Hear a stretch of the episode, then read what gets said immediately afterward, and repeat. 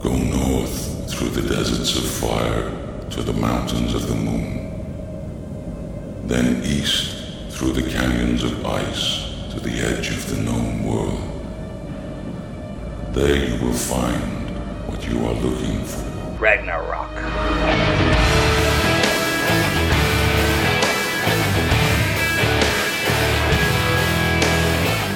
God kvöld og velkommen til Ragnarok og tvær tøymar vi Rotje og Tungmål med. Tvær samrøver av skronni og i kvöld. Fyrst hos vid vi Tommy Victor, åttamannen og i amerikanska bøltjen om Pronk. Vi prata om nukki uka av Torra, State of Emergency, som var utgiven i oktober og i fjör. Hette er samstundes fyrsta uka av Antja Pronk i høyle seks år. Sødna samrøvan er vi amerikanska Jared James Nichols, som vera metra vera en av framtøyar blues-gitarlegarnon.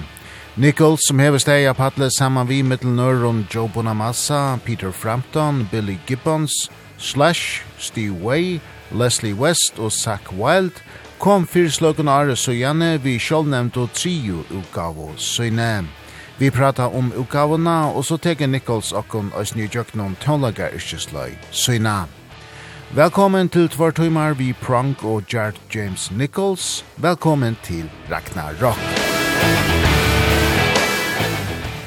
Hey, this is Tommy Victor from Prong, and you're listening to Ragnar Ragnarok.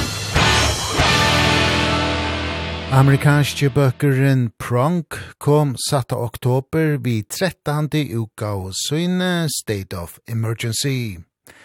Pronk hever heile 23 er arbeidje, og ståre støyen tjataimon vær ui nøytjærnon. Her tar vore nekva suttja av Headbangers Ball av MTV særlige utgavunar Prove Your Wrong fra 1991 og Clean Sink som var utgiven i 1994 var vel møteknar. Nekvar utskiftingar her veri i prong og jøkken nærne, og av opprunna manningene er best åtta maveren Tommy Victor etter. Atreats her hever han basslagaran Jason Christopher og trommoslovaran Griffin McCarthy. Tommy Victor er en ekvelia umbyen tonleikare, og nu vi titta han til å prate om State of Emergency, er han just at det kom en av konsertfer vi Danzig. Heile seksar er lien søgjane prong kom vi nesten just i ugav syne Zero Days, og til er fløyre årsøkjer til at så langt tog er fra lien grøyer Tommy Victor fra. Well, there was the pandemic. I mean, when that hit, living in Los Angeles at that time. The whole place was shut down and then my son was born during that time. So I had to take care of him and uh before that I was taking care of my wife and then I was taking care of the son. So that that went on for a while and uh we didn't know what was going on. Like you know, music was shut down, touring, Prong didn't have a record deal. So I didn't even know if I was going to continue doing it. And then um out of nowhere we got a tour offered us. This is like what the tail end of the pandemic and the tour was really good. We did we did it. Uh, it was a crazy tour, long tour. And then uh we got offered another one and I did that. Then we moved back to New York So uh then we signed a record deal and I guy I actually before that before we moved I signed a record deal and then I waited till I settled in New York in order to start working on the record. So the record was formed and everything was written when I moved back to New York, recorded here and uh it just took a while the whole thing but that whole period it went by pretty fast and um you know, it was a couple of years, 3 years or whatever. So now the record was done last year. It takes like a year now for the record to come out. So it was finished in November last year. So we recorded but I started writing around June, July and we recorded in August. By the time it was mixed and mastered was November.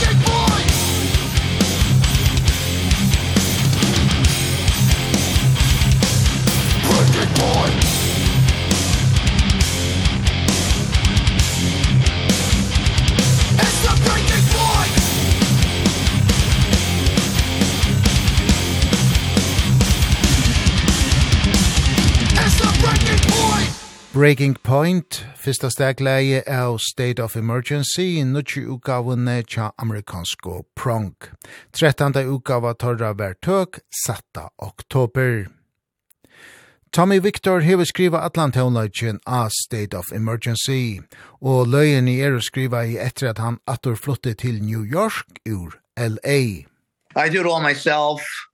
Uh, this one I had no collaboration at all like not even with the producer or anything. I, I did it all myself in my apartment in New York and then um we just went in I I we got Steve Evans on board to produce the record. He moved back to New York, to the New York area, lived in Jersey.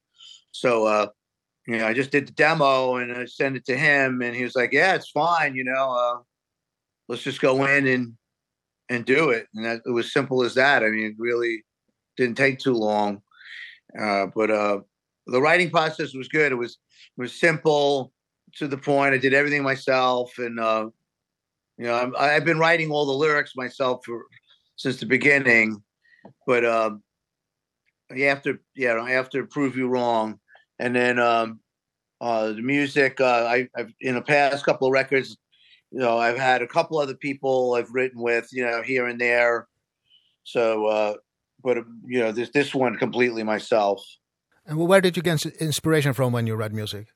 Uh, I mean, it's a good question. I, uh, like I said, I, I wanted to make sure that I wrote everything after I moved back to New York. And that move back to New York was inspiring where the weather was different. It's close to where Prong started. So that was inspiring and uh, I'm not too far from where I grew up either so I went back and listened to a lot of the old records that I was into as a kid and the ones that are really important to me. So um the sky looks very different in New York than it does in LA in LA it's it's always sunny it's always nice. To come back here and it's like today it's very gray it's windy and gray and it's starting to get cold so like when we, we moved back it was like like right in the middle of a snowstorm. So it was like i was like okay i'm back to this. I after spending all these years in the sunshine and and then i'm back to this. So that that was inspiring as well. Like i was like okay well now i'm getting into why i started playing again and you know listening to these old records and i listened to a lot of the old records just like constantly. And you know then I started writing. I was like it does this hold up based on what the old great riffs are you know? So uh not the modern riffs. I mean the modern riffs I like you know like bands like Knocked Loose. I mean I I I like all these breakdown metal bands but I still I couldn't hum the riff to anybody. Like it's still not like smoke on the water and sunshine of your love and working man and these old you know communication breakdown like so um that's what i try to go for is you know can somebody sing this riff or is it does it is it catchy you know? Suppression of your thoughts.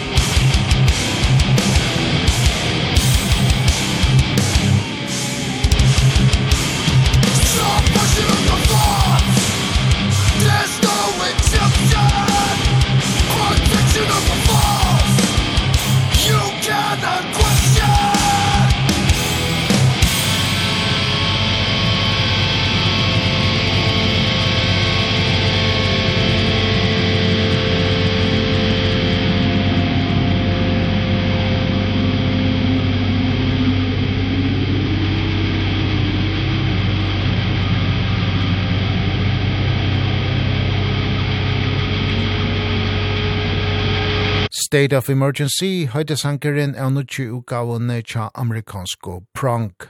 13. utgava torra vær tøk, satta oktober. Utgavan er gjørt i tøtten samstarve vi Steve Evets, ein framleiare som et landa hever arbeid saman vi Sepultura, The Dillinger Escape Plan og Symphony X. Og Tommy Victor er velnøktor vi arbeid tja Evets he's just a great coordinator of everything. Uh, uh, I trust him.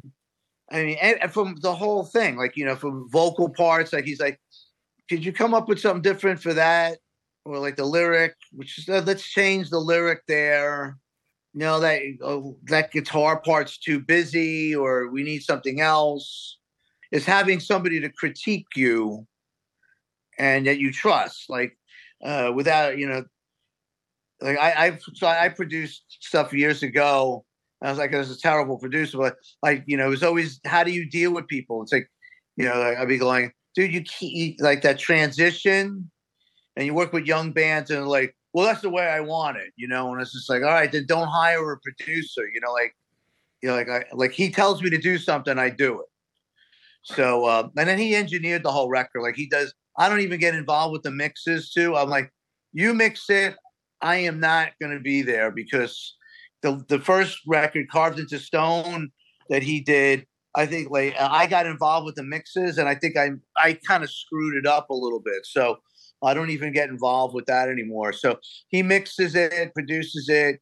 Uh he works with a lot with the drum arrangements too.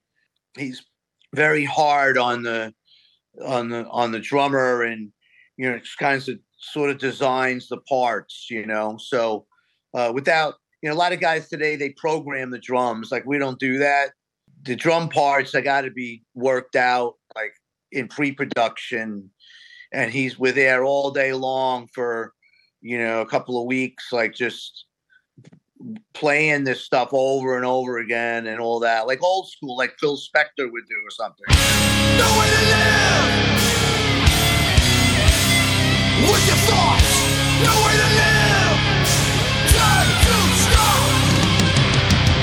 No,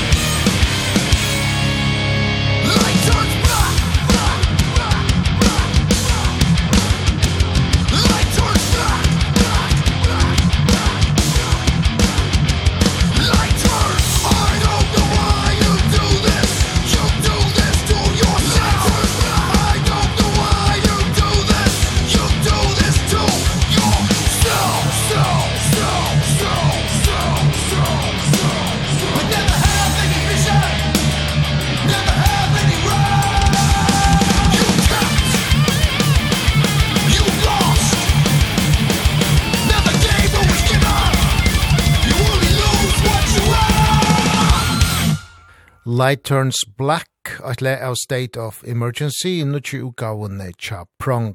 Amerikanske bøkkeren kom 7. oktober vi 13. utgavu syne. Og tøkele er æsne vi av State of Emergency. Tøyre prong hava nemlig gjørst eina nøytulking av Rush-klassikarnon Working Man. Og en sanker som er vi av sjålnent og debutgavene tja kanadisko trioene, og en LP som var utgiven under 1904. Tommy Victor hever vi rushfjeppare fra fyrsta DG. Because I got into Rush before anybody. Like I was, I got that first Rush record. It was like a little article in Circus magazine, and I go, these guys look cool. And I got that record. I'm like, man. And I, you know, um, I don't even know if I had I I mean there was a couple of kids that I knew when I grew up that were into like metal and hard rock not that many like if, even back then it was sort of underground like people didn't yeah most people were into like I uh, like the where I grew up they I don't even know what they were into like disco music or something so not many people like that Rush record. People were like, "Oh yeah, it's pretty cool," you know, like no one went to cuz but I really liked it. I thought it was like combination of Zeppelin and Sabbath. And it had like a gloomy thing to it. I really liked the lyric. I mean, the lyric was great. So, uh, yeah, I mean, uh, another record that I was listening to a lot and I started fooling around with was uh, Sabbath Volume 4. And then I, I started playing using that uh, C-sharp tuning on the guitar. It was a Tony Iommi tuning. So, uh, I I was jamming on Working Man in that tune and I go this sounds really heavy. You know, Steve the producer was like you got to do it. This sounds so great. So we just jammed it out and wound up putting it on the record.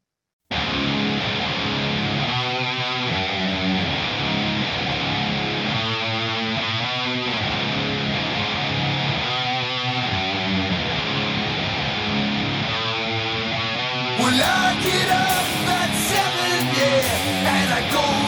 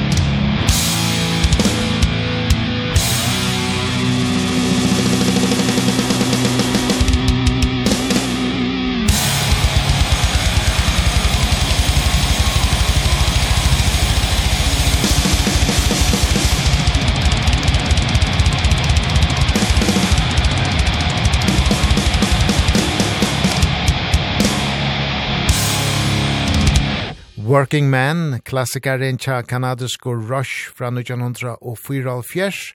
Hese fyrir nutjar innspelling vi amerikansk og trioin Prank. Nøytolkingen er vi anutji og torra State of Emergency som var utgiven 7. oktober. Vi tåsa i kvöld vi Tommy Victor, Høyland og Just Prank. If we, we look at uh, State of Emergency and your previous albums, um, do you see any difference musically maybe? Oh yeah, I mean not a hell of a lot, but uh, uh the fact like I mentioned earlier that that I sat down and like the whole thing is is the riffs, the songs, it's completely my design. Where we were kind of in the last couple of records, let's say the last 3 I was rushed a lot uh and we like I had to I I was like oh my god I got to write another record um I, like I call up a friend of mine I go you got any riffs? And like I got like like my friend Fred ziomek who's in this bad guy God Collider I called him up and I was like yeah and he goes oh man I got tons of riffs. So like I sat in the car with him and I was like nah nah nah. Oh that one's cool so um we wrote a song together on that for zero days. And then um Chris Collier the same thing how he's the producer. He's a great guitar player. So um uh he had a he had some riffs and you know we wrote some songs together. But i mean essentially the songs that we wound up playing are the ones that i wrote my cuz you know not to be egotistical but like you know however it may end uh which was on zero days like that was one of my songs completely. I wrote completely myself. And then uh, ultimate authority on no absolutes and those that seems to be the big hits the most popular songs from those records. So I was like I'm just going to do the whole thing myself. So I didn't have it, I wind up wasting a lot of time. When you write with other people sometimes it takes longer anyhow. Like this time it was like it was fast because I was like all right this is cool that's it bam boom that's it. I only wrote 10 songs. That's what's going to be on the record and goodbye, you know. So that was the main difference. But as far as the way it sounds, it's similar to the old records like, you know, the from with Prong Legacy, you know, you have the your first bunch of records. So we were still experimenting a lot. And then I think through the years and now playing the old songs live the fusion of all those early records are starting to mold into the sound of prong now, you know, at this late age. So uh I think it's like finally starting to come together. And I see that from the reviews too so far is like, you know, like like everyone knows this is prong, you know, like this is what it sounds like, you know, and it's you know some of them is saying like like you know, it's it it's almost like we're not taking too many chances now but it's like we took so many chances back in the old days that I don't want to do that anymore. Like I I just want to write a prong album and that's it you know? I'm not interested in breaking new ground at this late age of my life.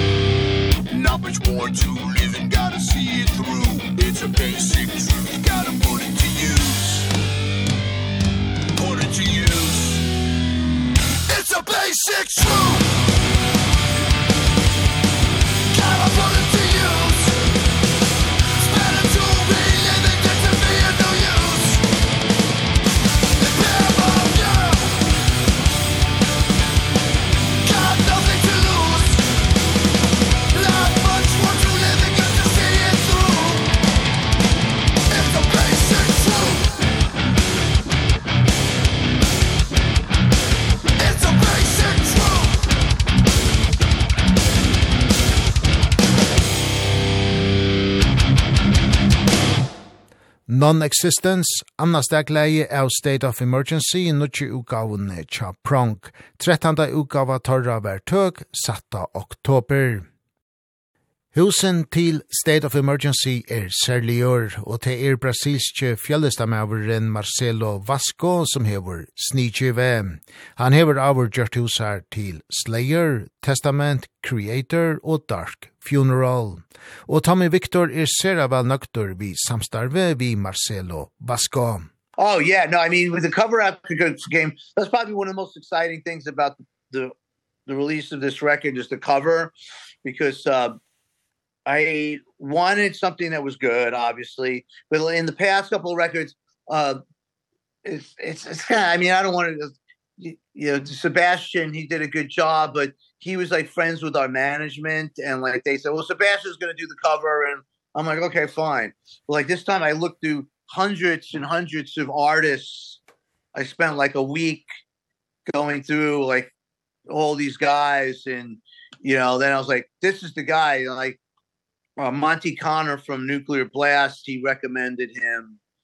And I was like, this guy's great, man. Like, and he was into doing it. He goes, he goes, Monty he goes, like, I don't know if he's going to be into doing it.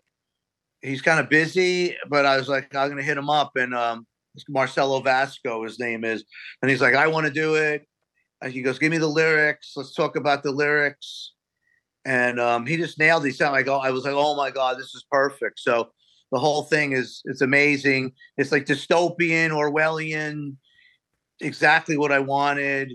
You know it's uh, it's dark and it's it's it shows the isolation that uh you know media is making people feel these days and the fear the state of emergency everything is just the end of the world and every all this stuff. So you know, he combined it all into this package. Yeah. And now the album uh, will be released and you're a busy man. How, how does uh, the future look for you and Prong and, and yourself? Oh, I, I don't know. I mean, like, you know, it's, uh, we did a very successful tiny tour in Europe uh like a month and a half ago. And that was great. Like that's almost like that was like enough for me. It was like you know, 2 weeks in Europe done. You know, uh then I had to do this dancing tour and it was like which seemed to take forever. It was only 3 weeks, but it was maybe a little longer and I was just like, "Whoa." This is like but um uh, now I'm I have I have 3 weeks in um Europe coming up in November.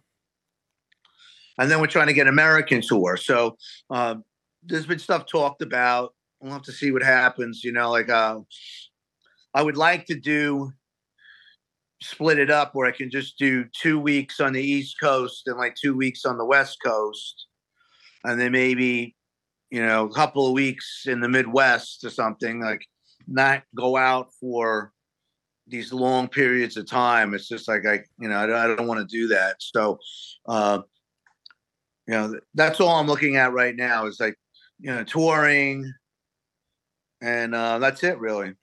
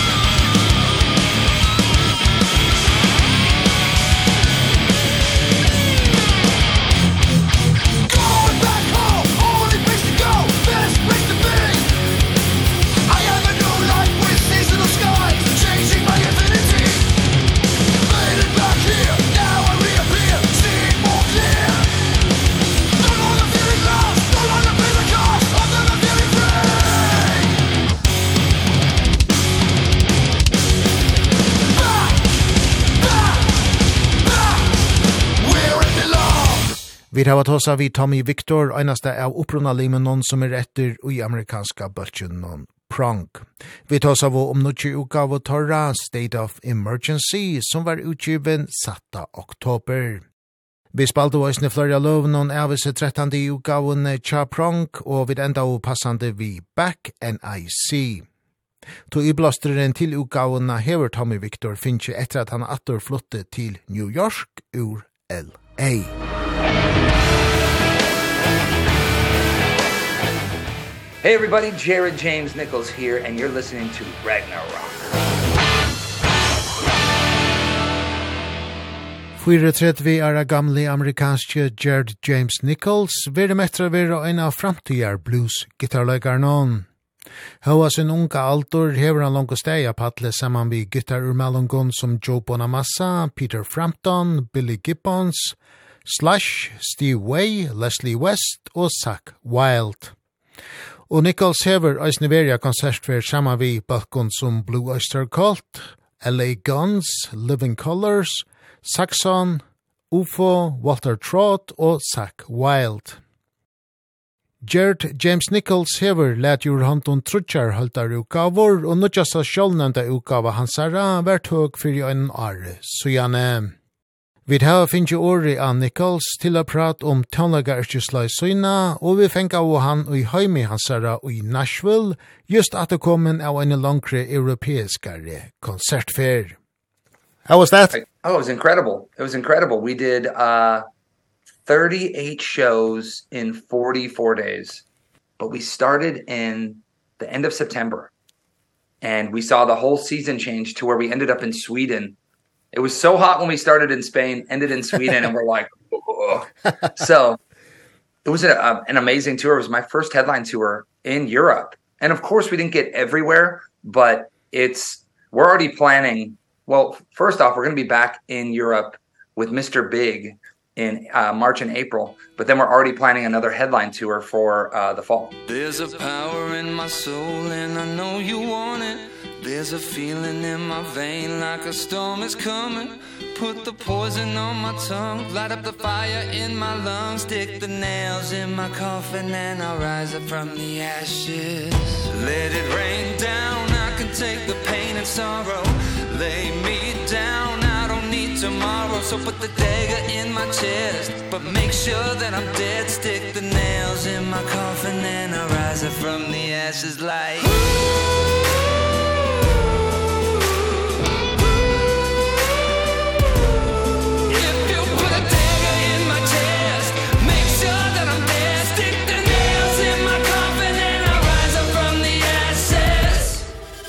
So lay your roses on my my pictures from the frames like the shit is over.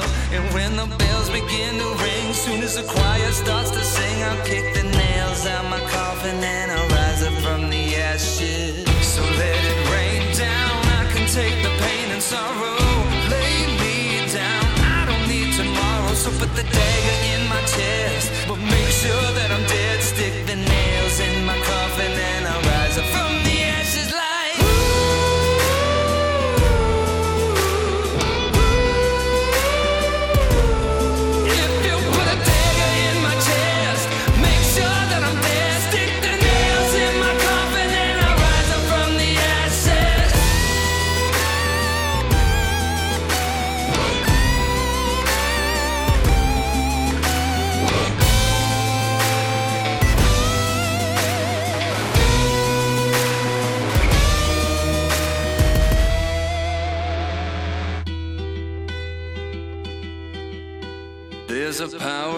my soul and I know you want it.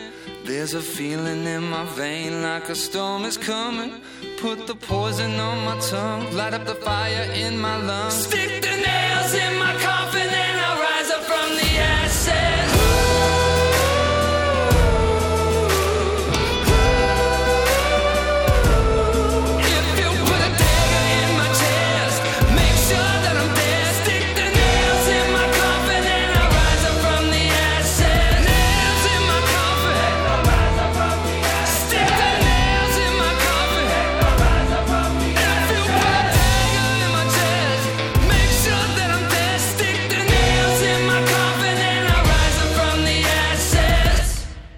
Nail in the Coffin, og stegla gesteren ui kvöld, Gerd James Nichols, gav ut i 2019. Nichols er i hesson døven aktueller vi øynon tøk og lea. Han hever nemlig a Joshua Tulching av Man in the Box, Alice in Chains-klassikar noen fra 1900 og 1,5. That was not intentional. I was at, there's a studio in Indiana, it's called Sweetwater and they're like a big music kind of you can buy guitars there and stuff. And we were there using their studio to record demos. And we had a little extra time. And i remember me and my guys were jamming on man in the box cuz there was a talk box you know the why yeah yeah yeah. And i had it and i said let's record it. So we had like we did that in about an hour. And i remember when we did it we didn't think anything was really maybe going to come of it. And the guy that was doing the session sends the files to my manager and all of a sudden he's like this is great. So then he sends it to someone else and then it started to snowball and everyone's like oh man this man in the box cover is really good. And we started working with uh, a company in Sweden and they're like we want to put it out. So next thing you know man in the box is coming out and it's really cool. I think it's a really uh it's a faithful recreation of the original but it's also like my sound and the way that i kind of play it, which gives it a cool little different edge. You can hear that you enjoying to play the, the song. Oh yeah. So so much fun, man. So much fun and it's uh Alice in Chains like a lot of people might see me and go, "Oh man, he's like bluesy, you know, heavy blues guy." But the the the thing is I love all styles, everything. So Alice in Chains, that's one of my favorite bands.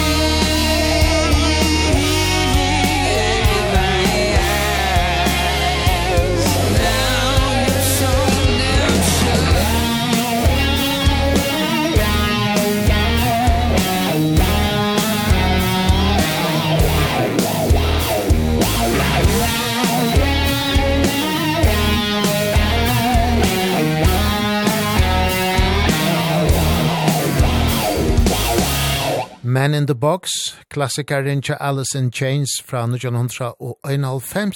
Hese fyrir nudjare tulking vi gesten nonno i kvöld, amerikanska blues-gitarløygar non, Jared James Nichols. Jared James Nichols var born i heim i 1924 og tala ikkje i korsen noen at han skulle bliva tonlagare, og han byrja i rymliga sønta spela gitar. I was born and raised in Wisconsin, which is the Midwest they call it up near near Canada and I grew up very very rural. I grew up um in like farmland. So my first job was like baling hay, milking cows, which was pretty different. And uh I didn't get into music until I was about 14 or 15. I'd always loved music and loved listening to classic rock.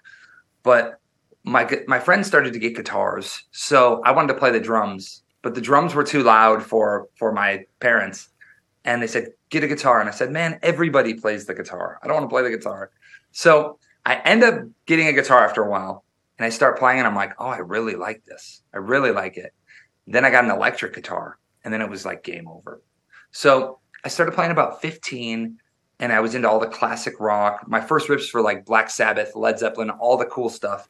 Then I found the blues. And then it was like, oh man, like I discovered like this treasure trove of music. So I was studying the blues. I was playing the guitar for man, anywhere from 7 to 12 hours a day, just obsessed for years.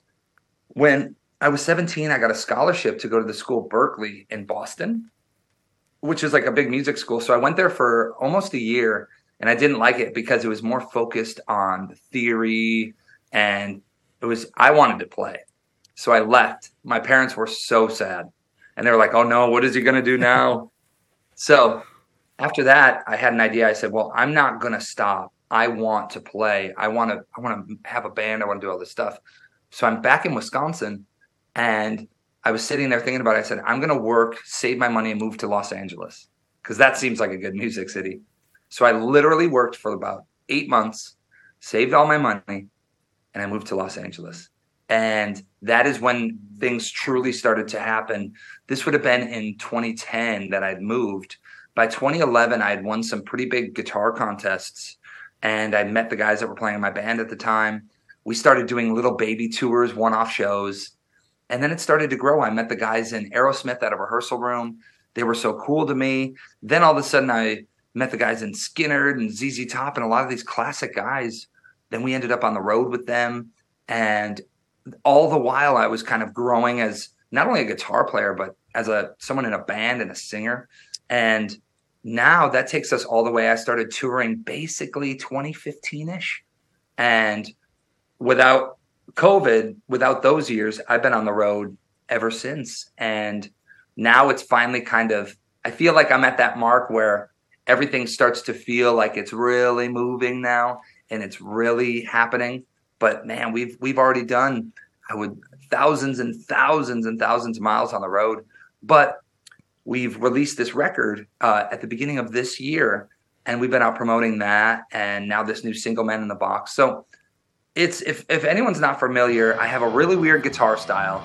I'm kind of a crazy guy and uh i love to have fun playing blues and rock.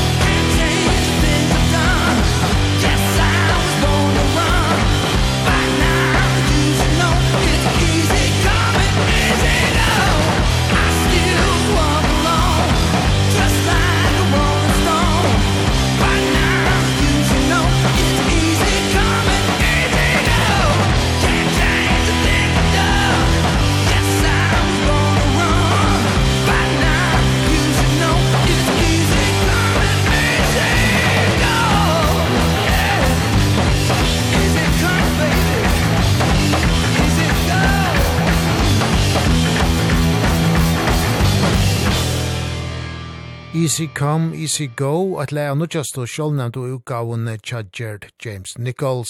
Tria utgava hans herra var tøk, fyrir slukon are, sujane. Ta vi bia Gerd James Nichols lysa kvad han gaur gitarløygari er, er svære, anfalt. I think it's really simple. It's more simple than most would think. I think what makes a guitar player exceptional is you don't have to be a guitar player or even be into music to feel an emotion when someone plays. I think that's the biggest thing. And also when you hear someone no matter what style you know who it is. It's like it's their identity. It's their fingerprint. It's it's like all of my favorite guitar players have a distinct style a distinct sound. And it's everything from you know David Gilmour to Pink Floyd to Eddie Van Halen to any of these people. When you hear it you go oh I know who that is. And sometimes that's the hardest part because you can be the fastest guitar player, you can be the most technical, but if you don't connect with people here and they feel what you're playing, I think that's where you lose them.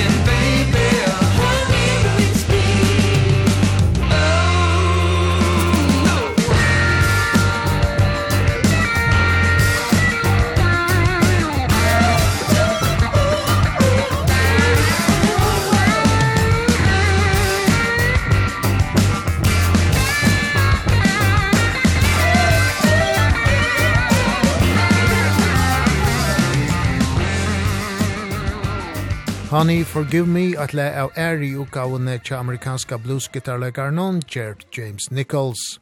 Black Magic var utgiven i 2000 og Seijan. Uiblasteren til tónleiksoin fær Gert James Nichols i høvesøyden fra gilda noen tja bluesrasjonon fyrst i sjetiarnon. Og vi spyrja tui hva det er vi hesson bluesrasjonon, han er så hutitjen av. I think my favorite part about that music and what makes me so excited about it is the fact that it was it was before a time where like technology took over, right? And I don't want anyone to think I sound like a throwback or like oh you're just trying to live in the no, no, no, no. But there was something to be said about bands and musicians. You had to play. You really had to be able to play. And you had to be able to entertain and perform. But also the music was really creative because you know coming off of the blues it's it's such a simple structure that it's really up to you to take it somewhere and to do something. That's you know it's it goes back to the same old thing where it was like there was the blues and then there was the rolling stones and all that stuff and it carries on. But what what got me about that music was the energy. It was real. It was authentic. And it was before it was like ugh I don't want to do that. I'll the computer, we'll fix it later, you know. It was like no, when someone sang or when someone played, that's what you're hearing is what they did. And I think that's such an amazing thing like for instance my record and Men in the Box. We cut it live. We didn't we and, and the record was cut live to tape and then I just sang over it. So what you hear is what you get, which, you know, sometimes you make mistakes, but it's part of the it's part of the thing.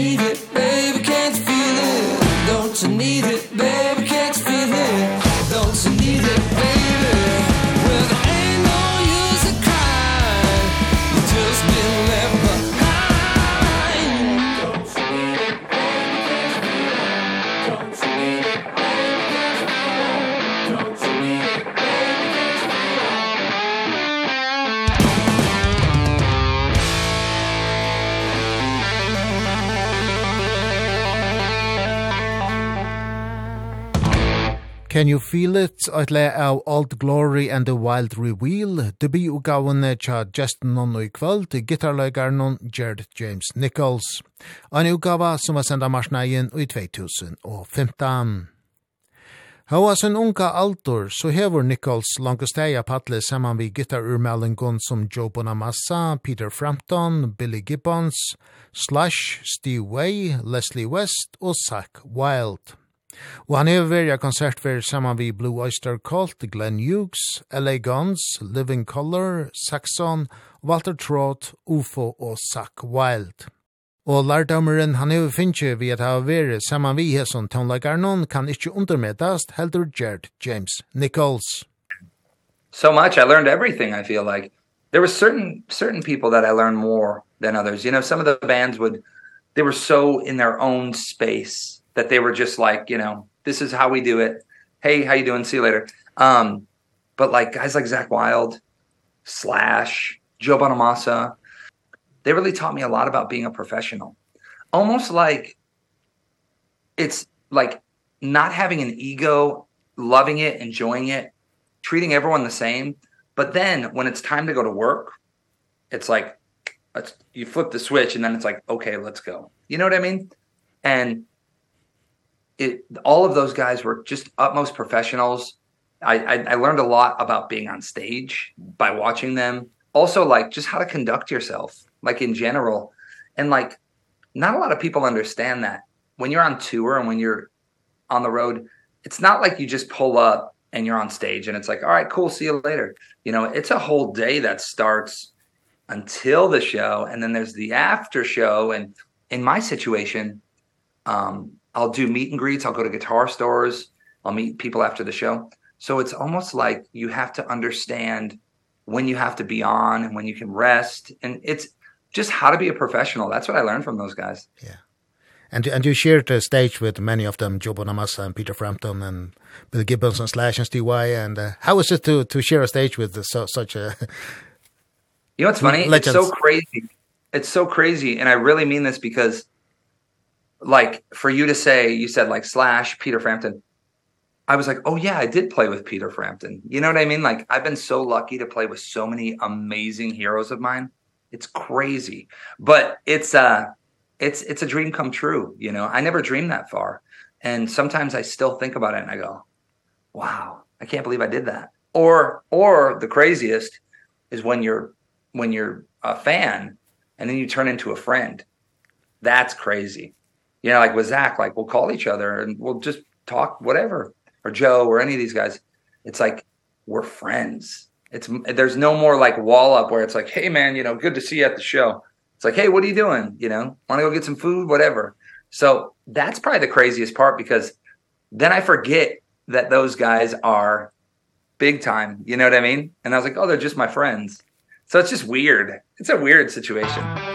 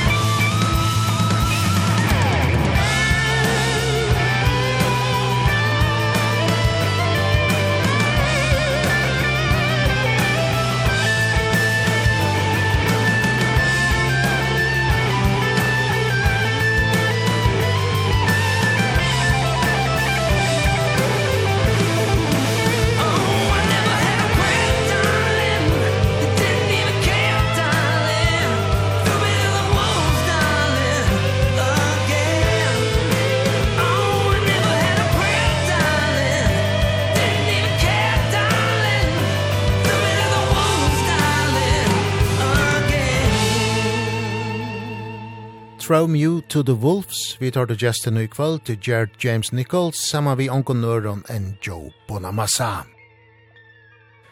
Og i 2021 var Jared James Nichols utnevndur Allheim sendiharri fyrir Gibson gitarmerskje, og en staurer høyer heldur blues gitarlegaren. So with that one too, I remember I was hanging out with the president of Gibson and we were playing um, some guitars and he he said, "Hey, so what do you have going on next?" I said, "Oh, I'm going on this tour, this this." And at this time I had a lot of affiliation already with Gibson just as a player. And what ended up happening, I said something to him. I said, "Man, you know, someday I would love to like be an ambassador for Gibson and just like, you know, kind of just be part of the you know, like Slash, you know." And he was like, "Man, that's a great idea." And then I went home, right? The next day, I got a call from his assistant and she said, "You know, Cesar really wants you to become a brand ambassador. And I'm like, what? like, so what's really cool about that is it just kind of signifies and it's, and it kind of like shows, you know, that we're, we're in this together, you know, and Gibson's had my back since day one. So it's just really awesome.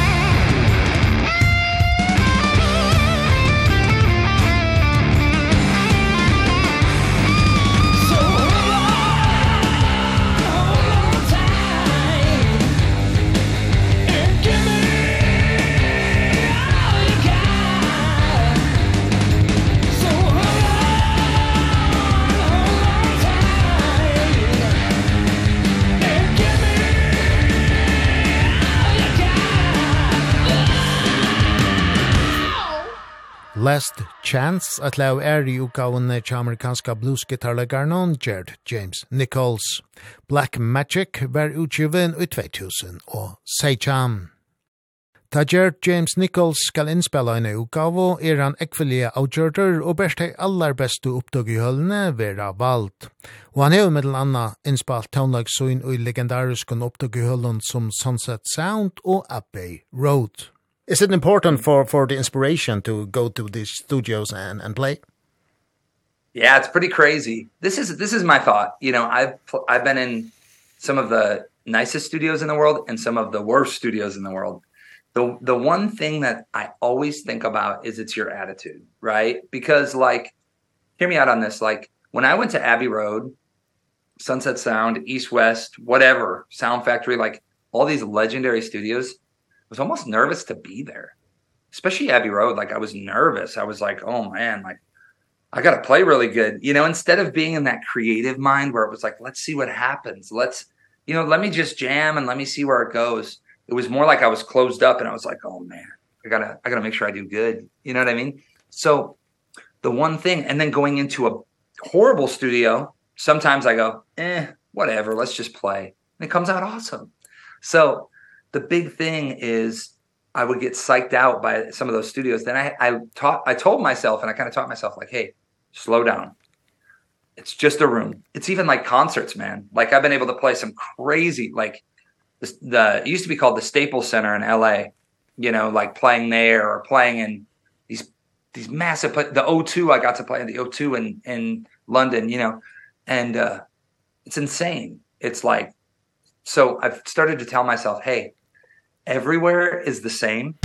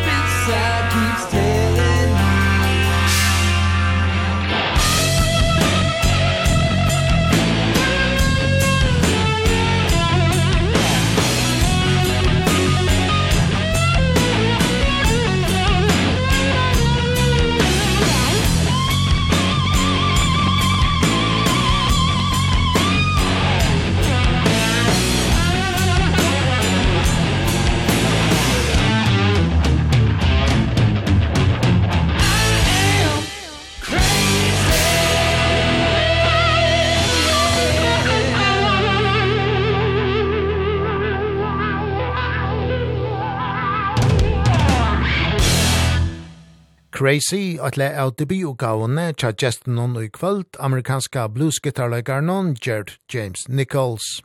Old Glory and the Wild Reveal var utgiven i 2015. Og det er ungen annar enn Eddie Kramer, legendariske framleieren som et eller hever arbeid saman vi Jimi Hendrix, The Beatles, David Bowie, The Rolling Stones, Led Zeppelin, Eric Clapton, The Kings, Kiss og Carlos Santana, som hever framlagt Old Glory and the Wild Reveal. How did that, that come about? Well, that actually came about through Abbey Road, a friend. Um, we had a mutual friend. Um, and he was an engineer at Abbey Road. And we went there to cut. And he said, hey, you need to meet Eddie Kramer. And I'm like, yeah, sure. Okay. you know? And um, long story short, I'm looking at my records right here. And there's probably 30 Eddie Kramer records here, Zeppelin and Kiss and whatever. But um so he meet we meet with Eddie Kramer and Eddie's like, "Man, I'd love to work with you. It'd be awesome." And I'm sitting there yet again like scared. so we get in the room together and the first day I remember he's like he brings in a Jimi Hendrix full stack. And he goes, "Come here, come here." And we're in the room, plug in. He's like, "I want to hear you play." I'm like, oh man, you know, I'm like, okay. So I start playing and stuff. And like, he's like looking at me. He's like, okay. All right. Yeah, we're good. And I was like, oh my God. but working with him, I learned more in the studio, especially about guitar sounds and tones in those two weeks that I did my whole entire life. And like, it's almost like when you, when you work with someone that's so advanced it's like it can go either one or two ways. There's a total disconnect or i'm just trying to hang on you know and be like like soak it all up. And that's exactly what i did and and that was an incredible experience man. Like to work with eddie was like definitely like bucket list yeah. you know like to the point of like he worked with all my heroes. Now i'm in the same room with them like this is crazy.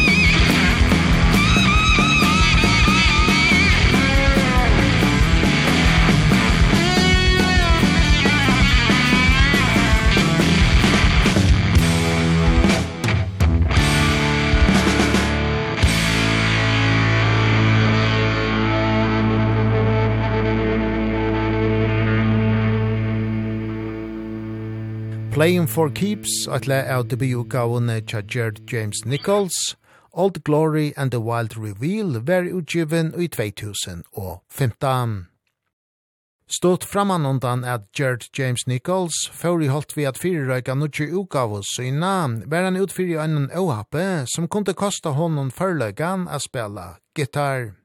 Well, actually we were on tour and thankfully I'm good now, but we were on tour and I noticed that I had some elbow pain and I was in the gym and I was like, man, I think I'm getting tennis elbow or something. But long story short, we were loading out of a venue in Florida. We had just played. My shirt's off, my hair's all sweaty, you know, like just getting out. And I went down and I went to grab a case, coming down just this little thing, and I go to grab a case and I'm kind of still walking, but going to grab it. And it was a little too heavy and I just heard a little pop and I went, "Ow." And I thought that potentially like I didn't know but I was like did I just like pop my elbow or something? You know? And I went like this with my arm and I kind of lost control of it. So then they said oh you um tore your bicep the muscle right here right? And I went oh no. And they said let's take an x-ray just to be sure. So they took an x-ray and what happened on both of my bones here and I have them on my shins uh little um stress fractures. I'm a pretty tall guy. I don't know about yourself, but they basically said they were like, yeah, the pressure basically just chipped the bone a little bit, which in turn was horrible because then they said, hey, you have to have a surgery and get this fixed right now because there's a little piece of your bone like in your body, you know. And uh it sucked. It totally sucked. So basically it kind of uh sidelined me. But in reality, I know this might sound really strange through all the the the pain and the the craziness of it it made that album sound the way it did cuz it made the fire you know i had more fire and i had more like when i realized like oh man like i got sidelined it made me want it more. So in a way you know obviously it was a horrible accident and i'm so glad to be better but the reality is like kind of gave that album the sound it had.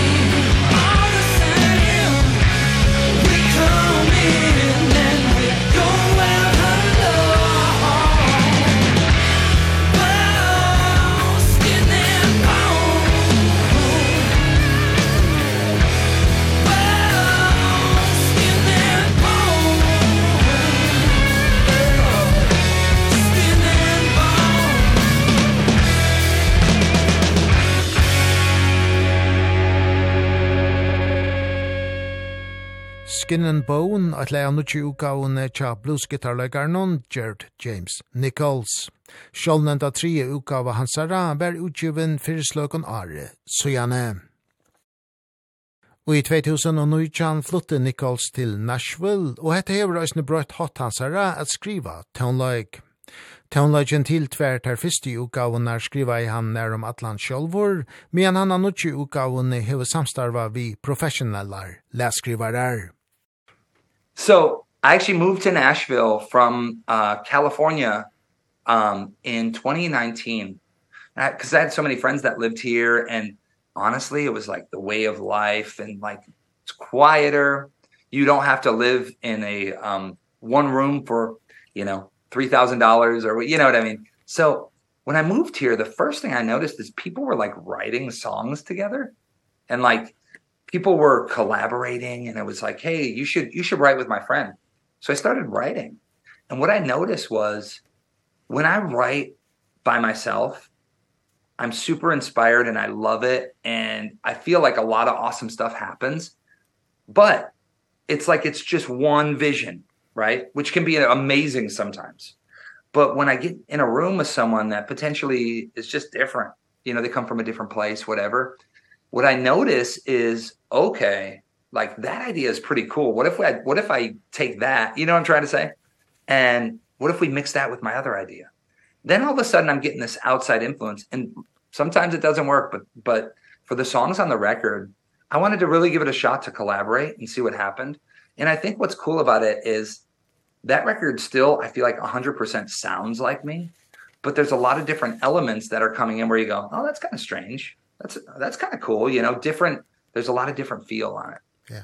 And and do you like that process instead of working alone? I do. I like them both. I really do. It just it just depends because you know like there's a song on the record called Shadow Dancer and um it's kind of this slow, kind of almost grungy with the this guitar it's like haunting, right? And the funny part is like when I was showing um our producer and my manager and all this stuff demos, I remember when I showed them the demo for it of just me writing it, they were like, "Uh, eh, it's okay." Right? But then it's funny because sometimes it's subjective. Then I wrote all this different music. We come back to that song and everyone's like, "Well, what's this?" This one's got to be on the record. And I was like, "This is the one you guys didn't like." so, you know how it is with music, it's all so subjective. But the reality is like I like both processes and I feel like I'm so easygoing that if someone comes up to me and they say, Jared, I don't like your idea, check this out, I'll be the first to go,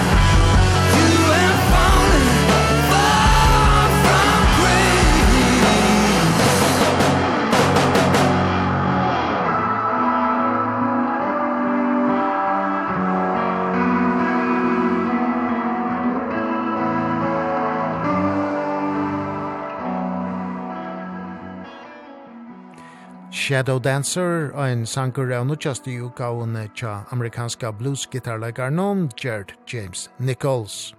Tria uka var hans herra vært tøg, fyrir ein are sujane. Vi tåsa og i kvöld vi just Gerd James Nichols. And, and you mentioned that all the songs are, are played live in the studio. How, how finished are they when you enter the studio? They were pretty well to go. We took about a week before in a room like not a not like a nice like a room we set up and we went through all the songs. Now we didn't go through the songs to the point of like you know the drums you have to play this fill right here. You know it wasn't that locked in but we basically had like the structures the energy level the tempos the parts everything was down and it felt good. But there was still when we walked in the room i would say we were about 80% there.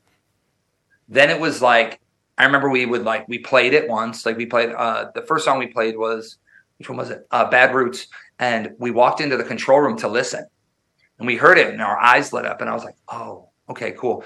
So if we're here right now and then we're talking about parts and stuff, I was like, "Let's push it a little further." And then it was the sound. So I would say walking into the studio we're about 80% there And and, and Eddie Spear is, is uh, has produced and mixed the album. Um, what, what role did he have in this process? Oh man, he had such an integral part. Like he was the one that was instrumental in the tape, you know, running running the tape.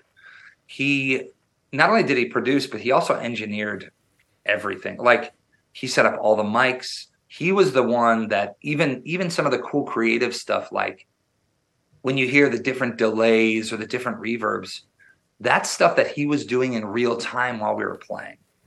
So like he was almost, he was like the fourth member of the band. Yeah.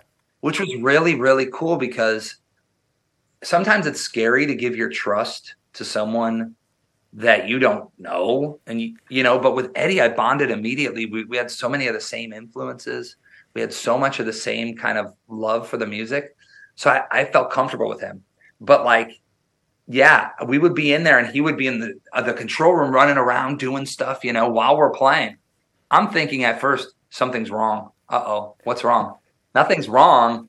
It's just him you know basically like performing with us. Like oh you know it's getting printed. He's like i got to turn the snare up here. Hold on let me turn that up. Oh you know so it was just he brought such a enthusiasm and the best thing he brought to the album was uh i don't care attitude. Like let's just try it. Let's try it. What's the worst that's going to happen you know? And that's a great kind of i love that demeanor where it's like fuck it let's go.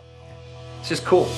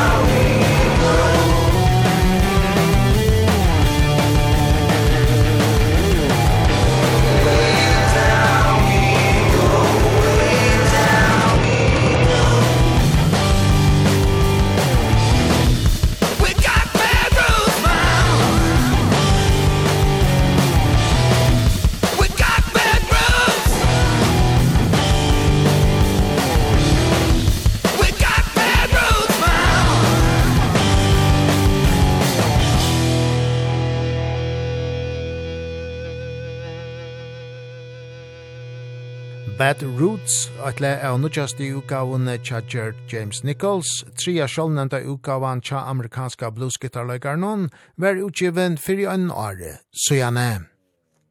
And if we come to the lyrics on the album, are there a theme or a concept or? So with a lot of the lyrics on the record, um, when I was doing the co-writes, we would start out with ideas, but really, man, I just started to go off on the lyrics. I would I would um take these ideas home And I'd be on like my way home and I would think of like, oh, that's cool. What if we try to do this? What if we try to do this? So lyrically speaking, I think there's only one song on the record that's like about a girl. You know what I mean? Like where it's like good time girl. Um but the reality is a lot of the lyrics on the record, you know, I was really trying to branch out and try and go somewhere else with that too, you know, because I think with this album it was really important for me to not just do the same thing. Yeah. I hate when people do the same thing over and over. Yeah. I love artists and I love an artist sound, but show me all the different sides of it. You know what I mean? Yeah. Yeah. So lyrically and vocally, I really pushed myself because I wanted to say, "Hey, I want this to be not only better, but I want this to feel different and feel more special instead of just trying to rehash the Black Magic record or you know what I mean? It's just that felt more important to me than anything. Yeah. And Out of Time is a very personal song for you. to You wrote it about your dad. How was how was that? Yeah. Yeah, so it's kind of kind of crazy cuz with that song I remember I was writing it like I was I had the melody on the guitar and then my dad passed away and then I kept writing on it. So I wrote this song and when I was writing it I wasn't of course subconsciously I was thinking of him and at all times you know it was very very soon after the death. And what ended up happening man is like i wrote this song and then i like read the lyrics back and i was like oh shit. Like i just wrote you know what i'm trying to say? Mm. like it came out. And i wasn't even going to put that song on the record cuz i was just like uh like it was hard for me to even play it. You know it was very that was the most uh what's the right word? Like the tenderest i've ever been. To the point where like I was I was like having a hard time in the studio. So like we had to do it a few times because I was like you know. And uh I'm really glad with the way it's turned out. We've actually even started playing that song live because some people want, you know, a lot of people will want to hear it. And uh it's great. Now I listen back to it and I have nothing but like, ah, yes. But it was very hard. I couldn't even hear it for a, a long time. It's a fantastic, fantastic song. Thanks, man. Why?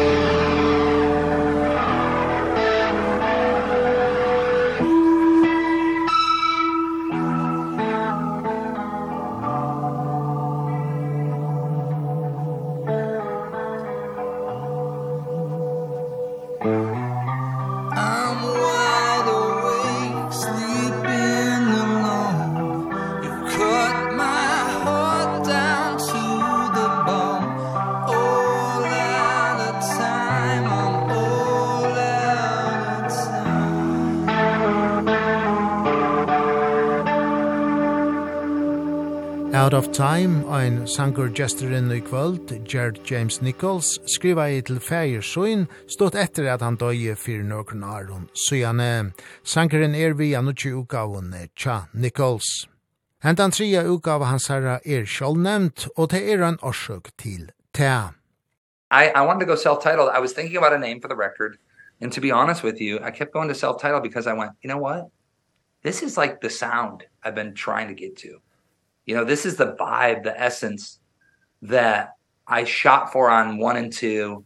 But now I feel like not only that as an artist and as someone like I feel like I've been through enough now to say, "Hey, you want to know who Jerry James Nichols is? Listen to this record, you know. This is my this is my starting point now." So everything now I kind of I feel like like this record is a is going to be the benchmark and then I'm going to try and push it on the next one. You know what I mean? And are there a next one in the nearest future or how far is uh... Yeah, I mean, man, what's funny for me, I never stop writing. So like I have another record ready to roll. It's just it's one of those things where I think we'll probably get in the studio, I would think after our tour in the spring, like in between spring and summer, but you know, I still feel like this record is still so new in so many ways, the one that's out now So we're going to have to promote promote it for a while, but I mean, man, I'm absolutely ready to make another record. Yeah. And maybe a legendary studio this time also. Oh yeah. I mean, I got to pick somewhere crazy because you know, we did Abbey Road, we did Sound Emporium, we've done uh Sound Factory, we've done Sunset Sound, uh where Van Halen recorded. Uh this last one was done at Blackbird Studios, which is like the best studio in Nashville. So we'll have to see, maybe maybe not. Maybe I go somewhere really weird I don't know. I got to see where it all takes me. You know, it's like a journey. I'm a long, long way from home, trying to run away my ghost. I've been worn down to the bone. It's a long, long way. It's a long, long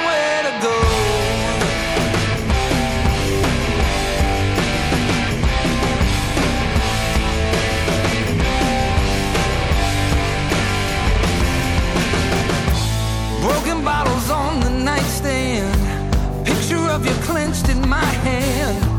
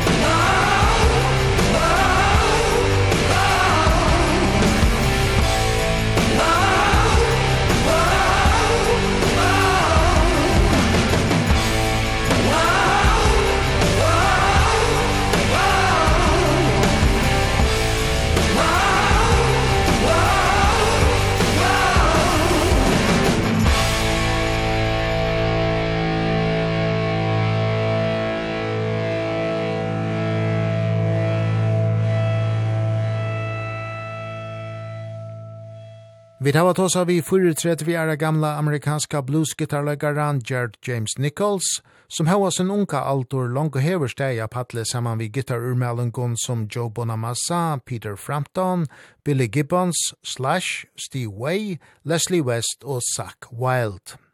Om framtatt hosa om hvordan det er at arbeida saman vi ötlun hessons stjötnunon, Tog Nichols okkun òsni i jöknon tónlegar yrkislai syna, og vi spaldu òsni lo av taimon trimon ugaonon, han hever leti ur Hondon. Debutgaone Old Glory and the Wild Reveal fra 2015, Black Magic som var tøk i 2016, og så sjálvnevnt og tri utgau hansara som var utgiven fyrir en are syane.